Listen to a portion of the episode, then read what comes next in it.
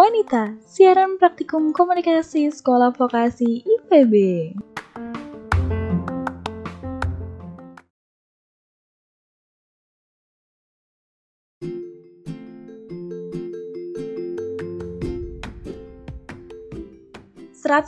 enam FM siaran praktikum komunikasi Sekolah Vokasi IPB.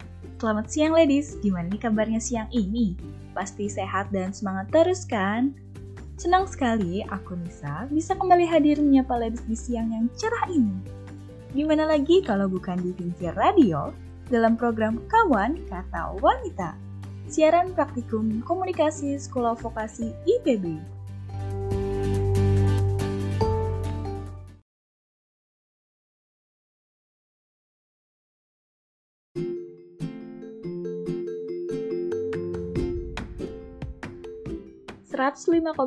FM siaran praktikum komunikasi Sekolah Vokasi IPB. Seperti biasa, aku bakal nemenin ladies selama 45 menit ke depan di edisi Rabu 7 Oktober 2020. Jadi penasaran kan dengan informasi menarik yang akan aku sampaikan? So, tetap dengerin Pinky Radio dalam program Kawan Kata Wanita. Kawan,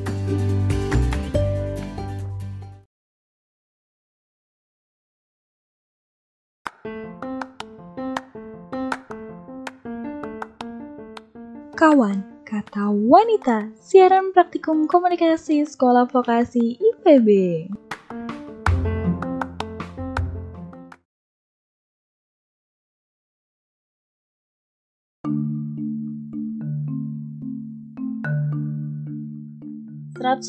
enam FM siaran praktikum komunikasi Sekolah Vokasi IPB.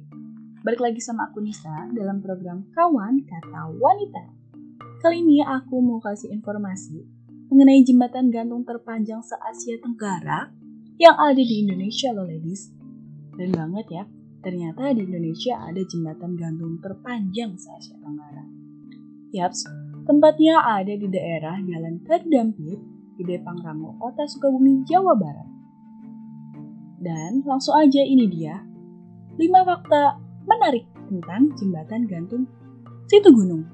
Yang pertama, jembatan gantung ini merupakan jembatan terpanjang di Indonesia. Jembatan ini merupakan jembatan gantung terpanjang di Indonesia, bahkan digadang-gadang sebagai salah satu jembatan gantung terpanjang se-Asia Tenggara. Memiliki panjang 243 meter dan lebar 18 meter yang melintangi di atas ketinggian jurang mencapai 161 meter di atas permukaan tanah loh. Jadi kebayangkan tinggi dan panjangnya jembatan gantung itu gimana? Yang kedua, hanya boleh dilewati 40 orang pengunjung dalam sekali penyeberangan. Meski diperkirakan dari konstruksi jembatan gantung situ gunung dapat menampung berat dengan beban 55 ton atau sekitar 150 orang, dan diperkirakan hanya bisa menampung 60 orang yang dapat naik dalam waktu bersamaan. Namun, pada kenyataannya, jembatan gantung ini hanya boleh dilintasi oleh 40 orang pengunjung saja dalam sekali menyeberang. Intinya harus tetap safety ya ladies. Yang ketiga, jembatan gantung ini menggunakan bahan dasar kayu ulin. Menurut informasi bahwa jembatan gantung ini menggunakan bahan dasar berbahan kayu ulin yang dikirim dari Provinsi Papua. Ulin atau juga yang disebut dengan kayu besi merupakan pohon khas dari daerah Kalimantan. Spesifikasi kayu besi ini tahan terhadap perubahan suhu, kelembapan, dan pengaruh air laut, sehingga sifat kayunya ini sangat berat dan keras. Ulin tumbuh dengan berbagai keistimewaan tersendiri yang belum tentu dimiliki oleh kayu-kayu lain. Kayunya yang mampu melebar dengan diameter yang besar, juga cukup tinggi, serta tidak mudah untuk dimakan rayap.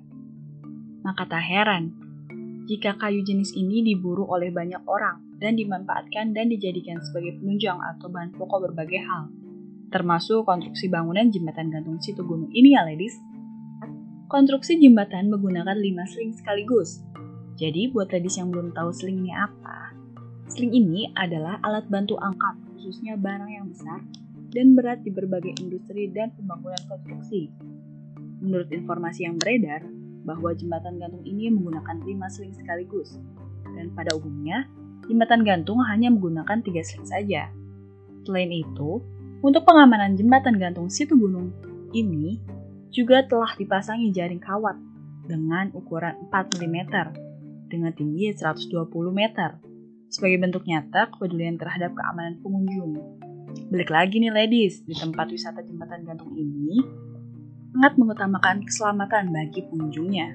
Fakta menarik yang terakhir yaitu menghabiskan dana lebih dari 4 miliar rupiah. Pembangunan jembatan gantung ini atas prakarsa pihak swasta dan Kementerian Lingkungan Hidup. Dana yang dikeluarkan tak tanggung-tanggung sejak bulan Mei 2017 tercatat dana yang sudah dikeluarkan lebih dari 4 miliar. Pembangunan jembatan gantung situ gunung ini diharapkan bisa bermanfaat untuk pengembangan wisata di Sukabumi apalagi dengan adanya lokasi destinasi lain dalam satu kawasan tersebut, yakni Curug Sawer, danau, dan jembatan gantung situ gunung yang menjadi ikonnya. Itulah lima fakta menarik yang dikutip dari idntimes.com.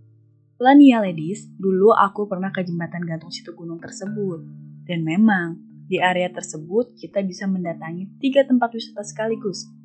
Yaps, ada danau, jembatan gantung yang terpanjang se Asia Tenggara, dan juga Curug Sawer yang memiliki air terjun yang deres dan bersih banget. Belum memasuki area jembatan gantung, kita akan mendapatkan kopi break terlebih dahulu nih ladies. Biasanya akan disediakan makanan khas daerah Sunda, yaitu pisang rebus, ubi rebus, dan minuman teh hangat atau kopi hangat yang bisa kita ambil sendiri. Udah gitu, saat memasuki area jembatan gantung, akan merasakan sensasi jembatan yang tinggi dan mata kita akan dimanjakan oleh pemandangan hijau yang cantik banget loh ladies. Jadi, buat ladies yang belum pernah dan pengen merasakan jembatan gantung terpanjang di Asia Tenggara, langsung aja datang ke situ gunung Suspension Bridge di Sukabumi. Dan sebelum ke informasi berikutnya, aku mau puterin lagu dari Melanie Martins yang berjudul Lady Selamat mendengarkan ladies!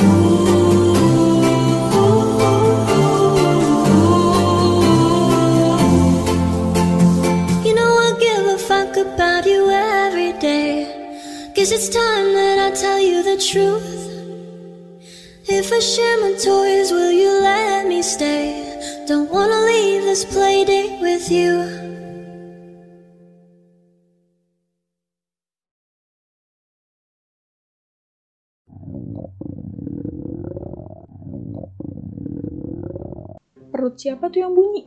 Perut gua, padahal tadi udah makan sih, tapi kayaknya gua pengen cemilan deh. Pas banget nih, gua bawa witchy stick.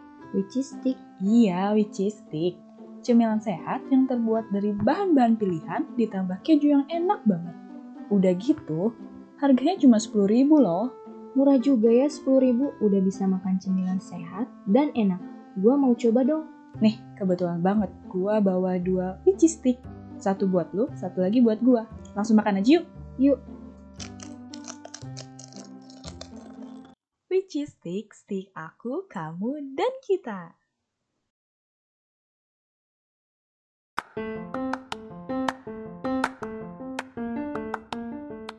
Kawan, kata wanita, siaran praktikum komunikasi Sekolah Vokasi IPB.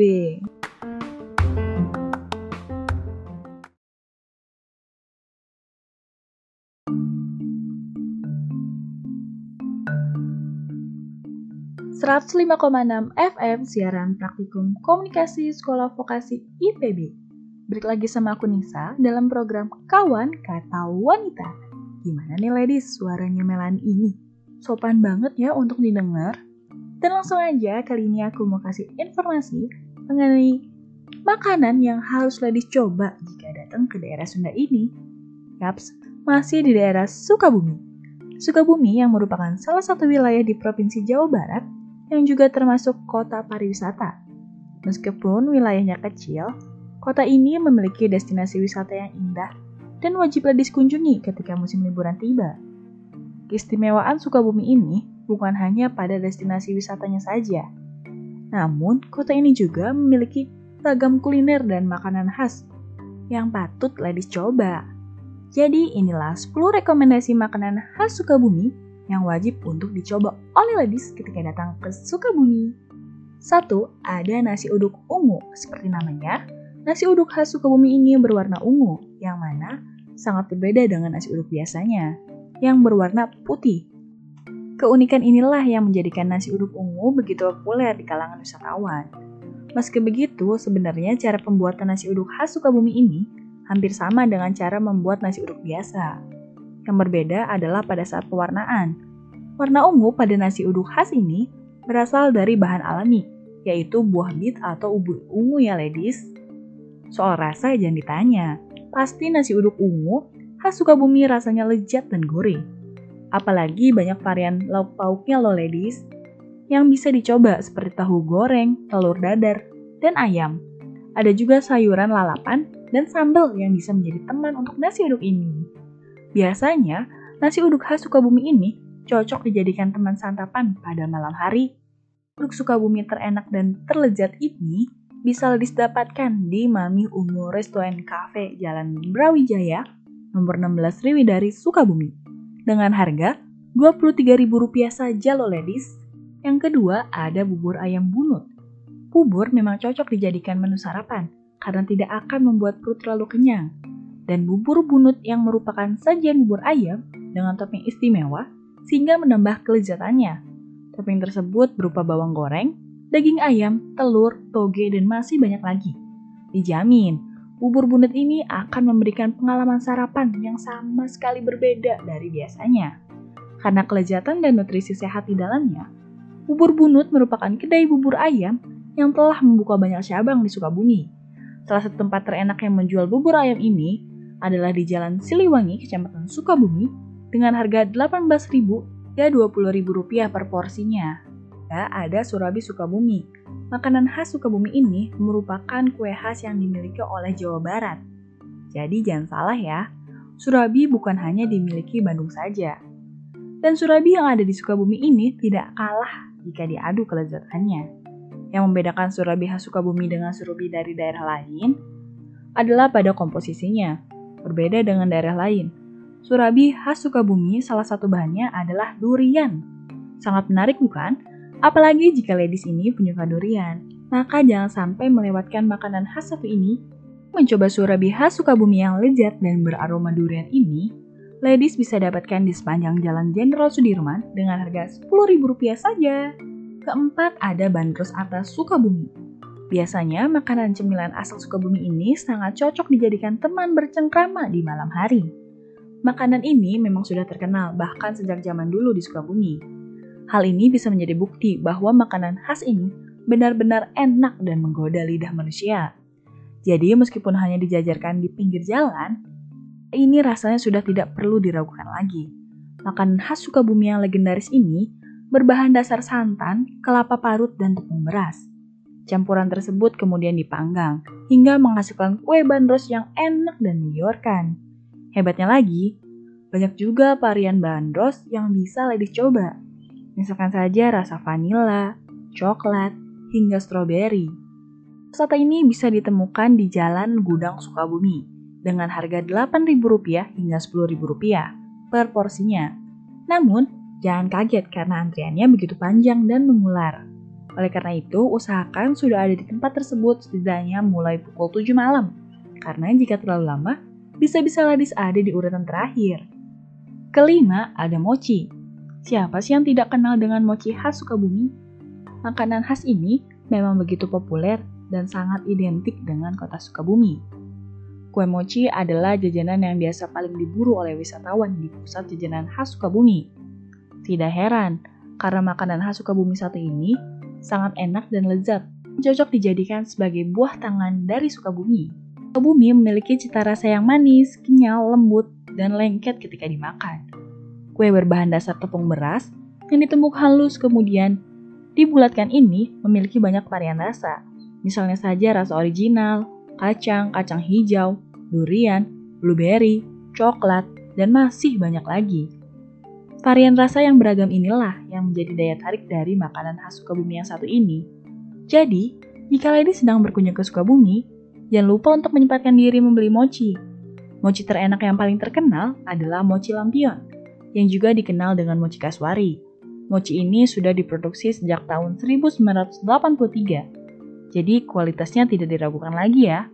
Mochi lampion atau mochi kaswari ini berada di Jalan Bayangkara nomor 19 Kaswari, Selabatu Cikole, Sukabumi. Dan untuk harganya mulai dari Rp11.000 tergantung varian rasa. 6. Ada bolu pisang. Makanan khas dari kota Sukabumi ini juga bisa kamu beli untuk oleh-oleh keluarga di rumah.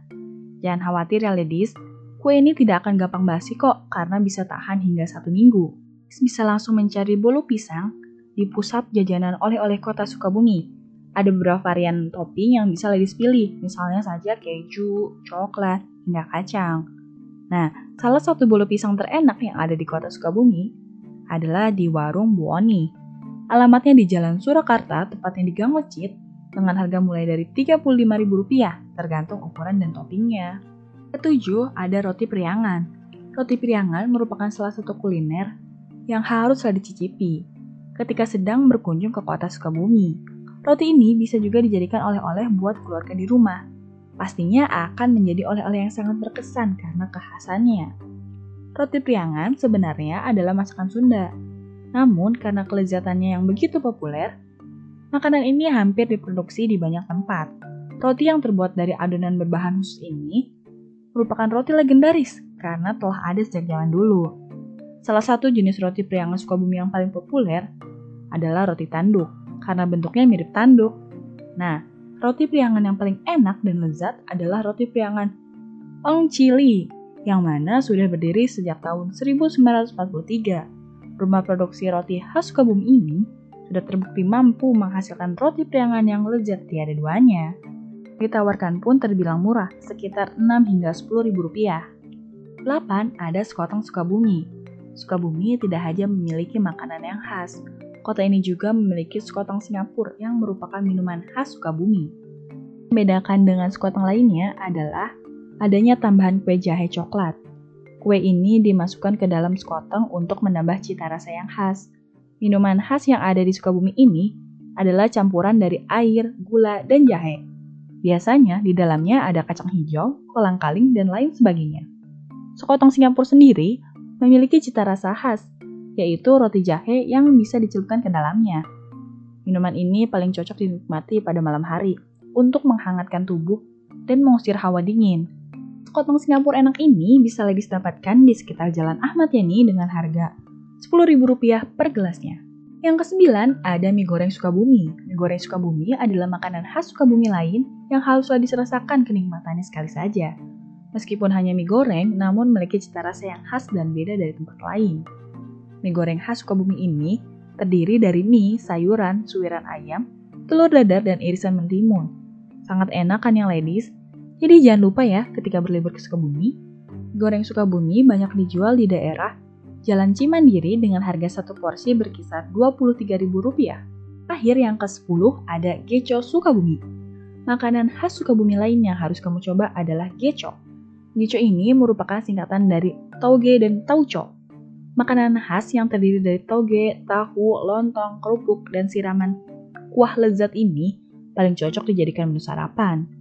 Makanan ini biasanya dijual di pedagangan kelima dan buka mulai pukul 7 pagi Makanan ini sangat laris loh ladies, jadi jangan sampai ketinggalan ya.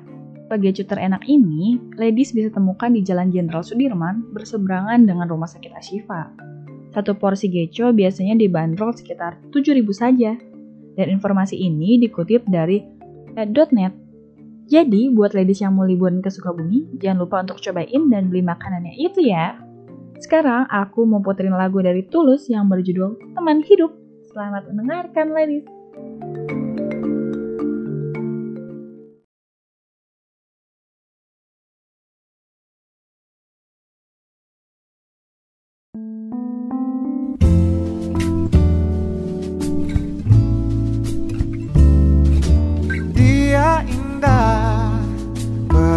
Gundah Dia yang selama ini ku nanti. Pembawa sejuk, pemanja rasa Dia yang selalu ada untukku. Di dekatnya aku lebih tenang Bersamanya. Jalan lebih terang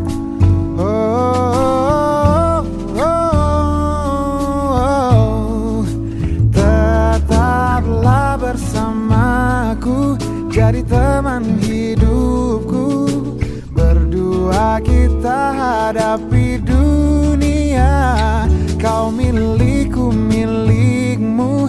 Kita satukan tujuh. Bersama arungi derasnya waktu Kau milikku Ku milikmu Kau milikku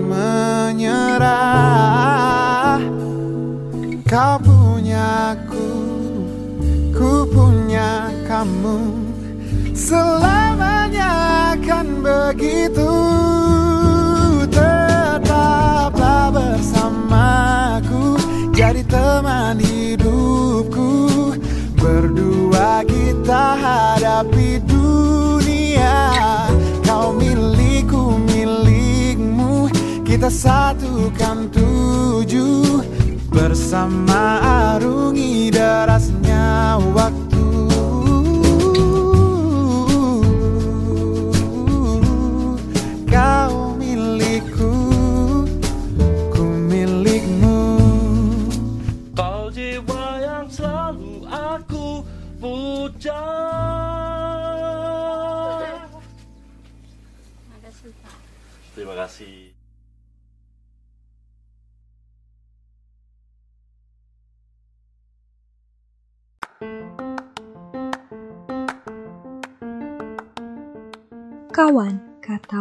Wanita, siaran praktikum komunikasi Sekolah Vokasi IPB.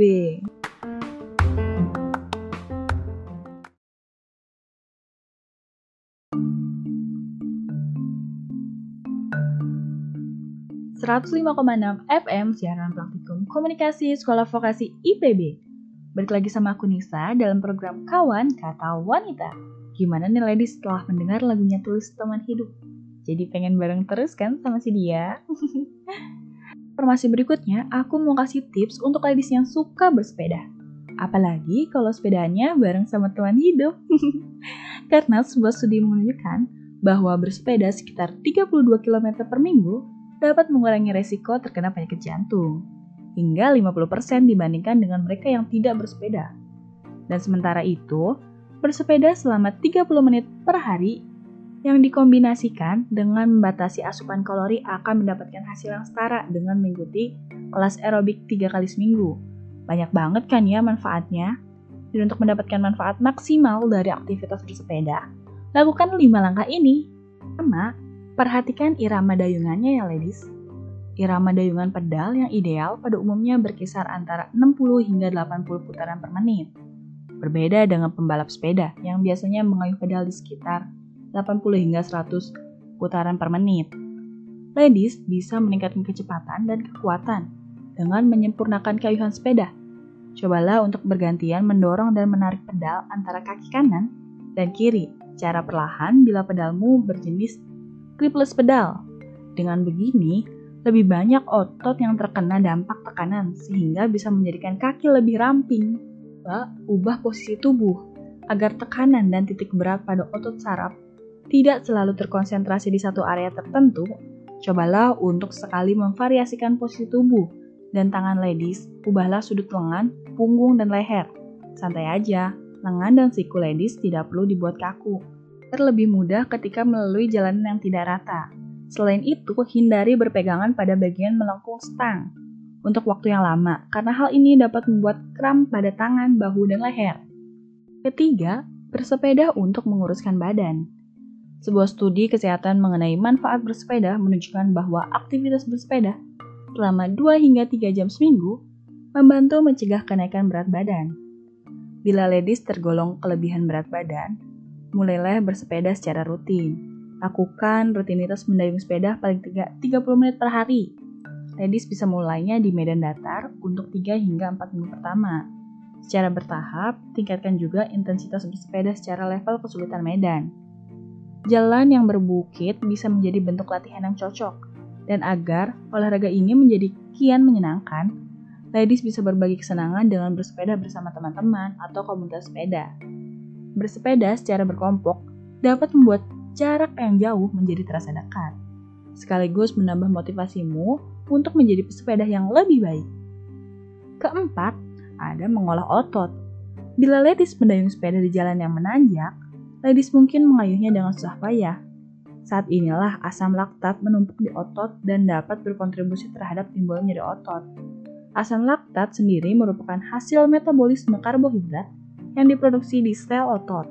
Bagi langkah pencegahan mengalami nyeri otot, tetaplah mengayuh sepeda ketika di jalan menurun.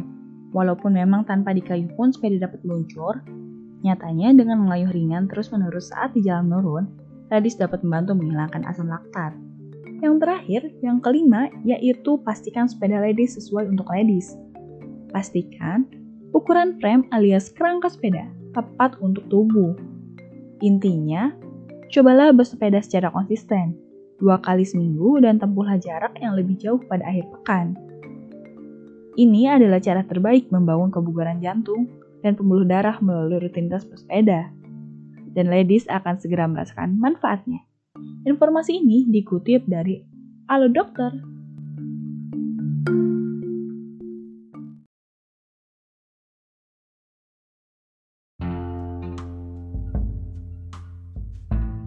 Oh iya ladies, jadi aku mau cerita nih. Sekarang, di depan aku udah ada coklatos drink yang botol. Udah gitu, dingin lagi. Enak banget kan ya diminum siang-siang gini? Sebentar, aku mau coba dulu ya. Banget sih ini jadi double gitu. Minuman coklat yang dingin, seger. Terus, ini on the go juga loh ladies, karena bisa dibawa ke mana-mana. Smooth dan aku suka banget nih. Buat ladies yang penasaran, langsung aja yuk beli coklatos drink karena harganya cuma Rp5.000. Bisa dibeli di toko-toko terdekat. Dan sebelum itu, aku mau puterin lagunya Taylor Swift yang berjudul Love Story. Selamat mendengarkan, ladies!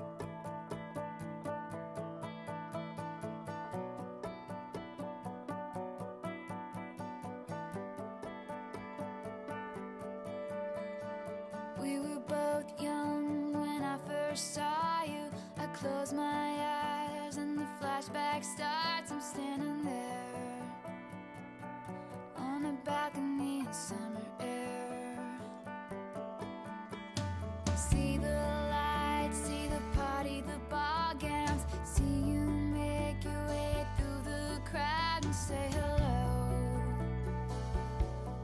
Little did I know that you.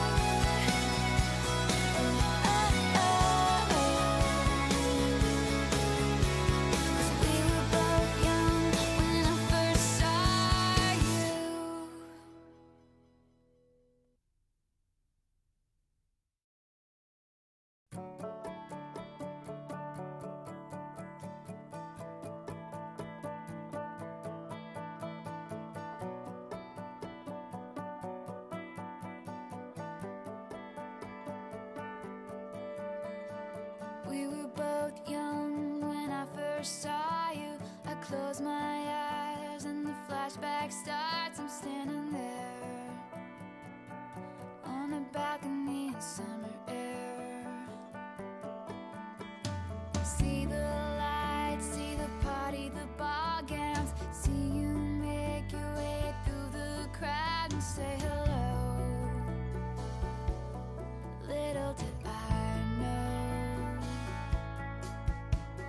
that you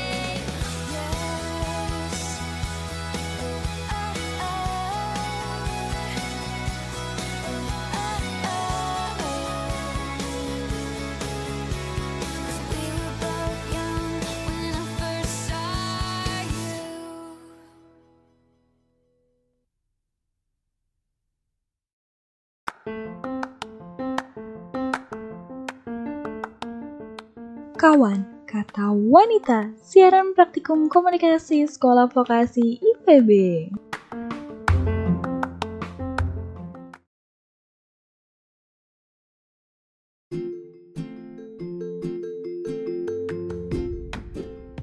...105,6 FM siaran praktikum komunikasi Sekolah Vokasi IPB. Sedih banget nih, waktu aku buat nemenin ladies udah habis. Gak kerasa ya, 45 menit kita berlalu dengan cepat. Tandanya, aku Nisa pamit undur diri dari ruang dengar ladies semuanya. Terima kasih sudah setia di Pinky Radio dalam program Kawan Kata Wanita. Just to remind you, minggu depan di waktu yang sama, dan program yang sama, aku akan kembali hadir menemani ladies semuanya. Yang pastinya, dengan informasi-informasi yang lebih bermanfaat dan juga unik.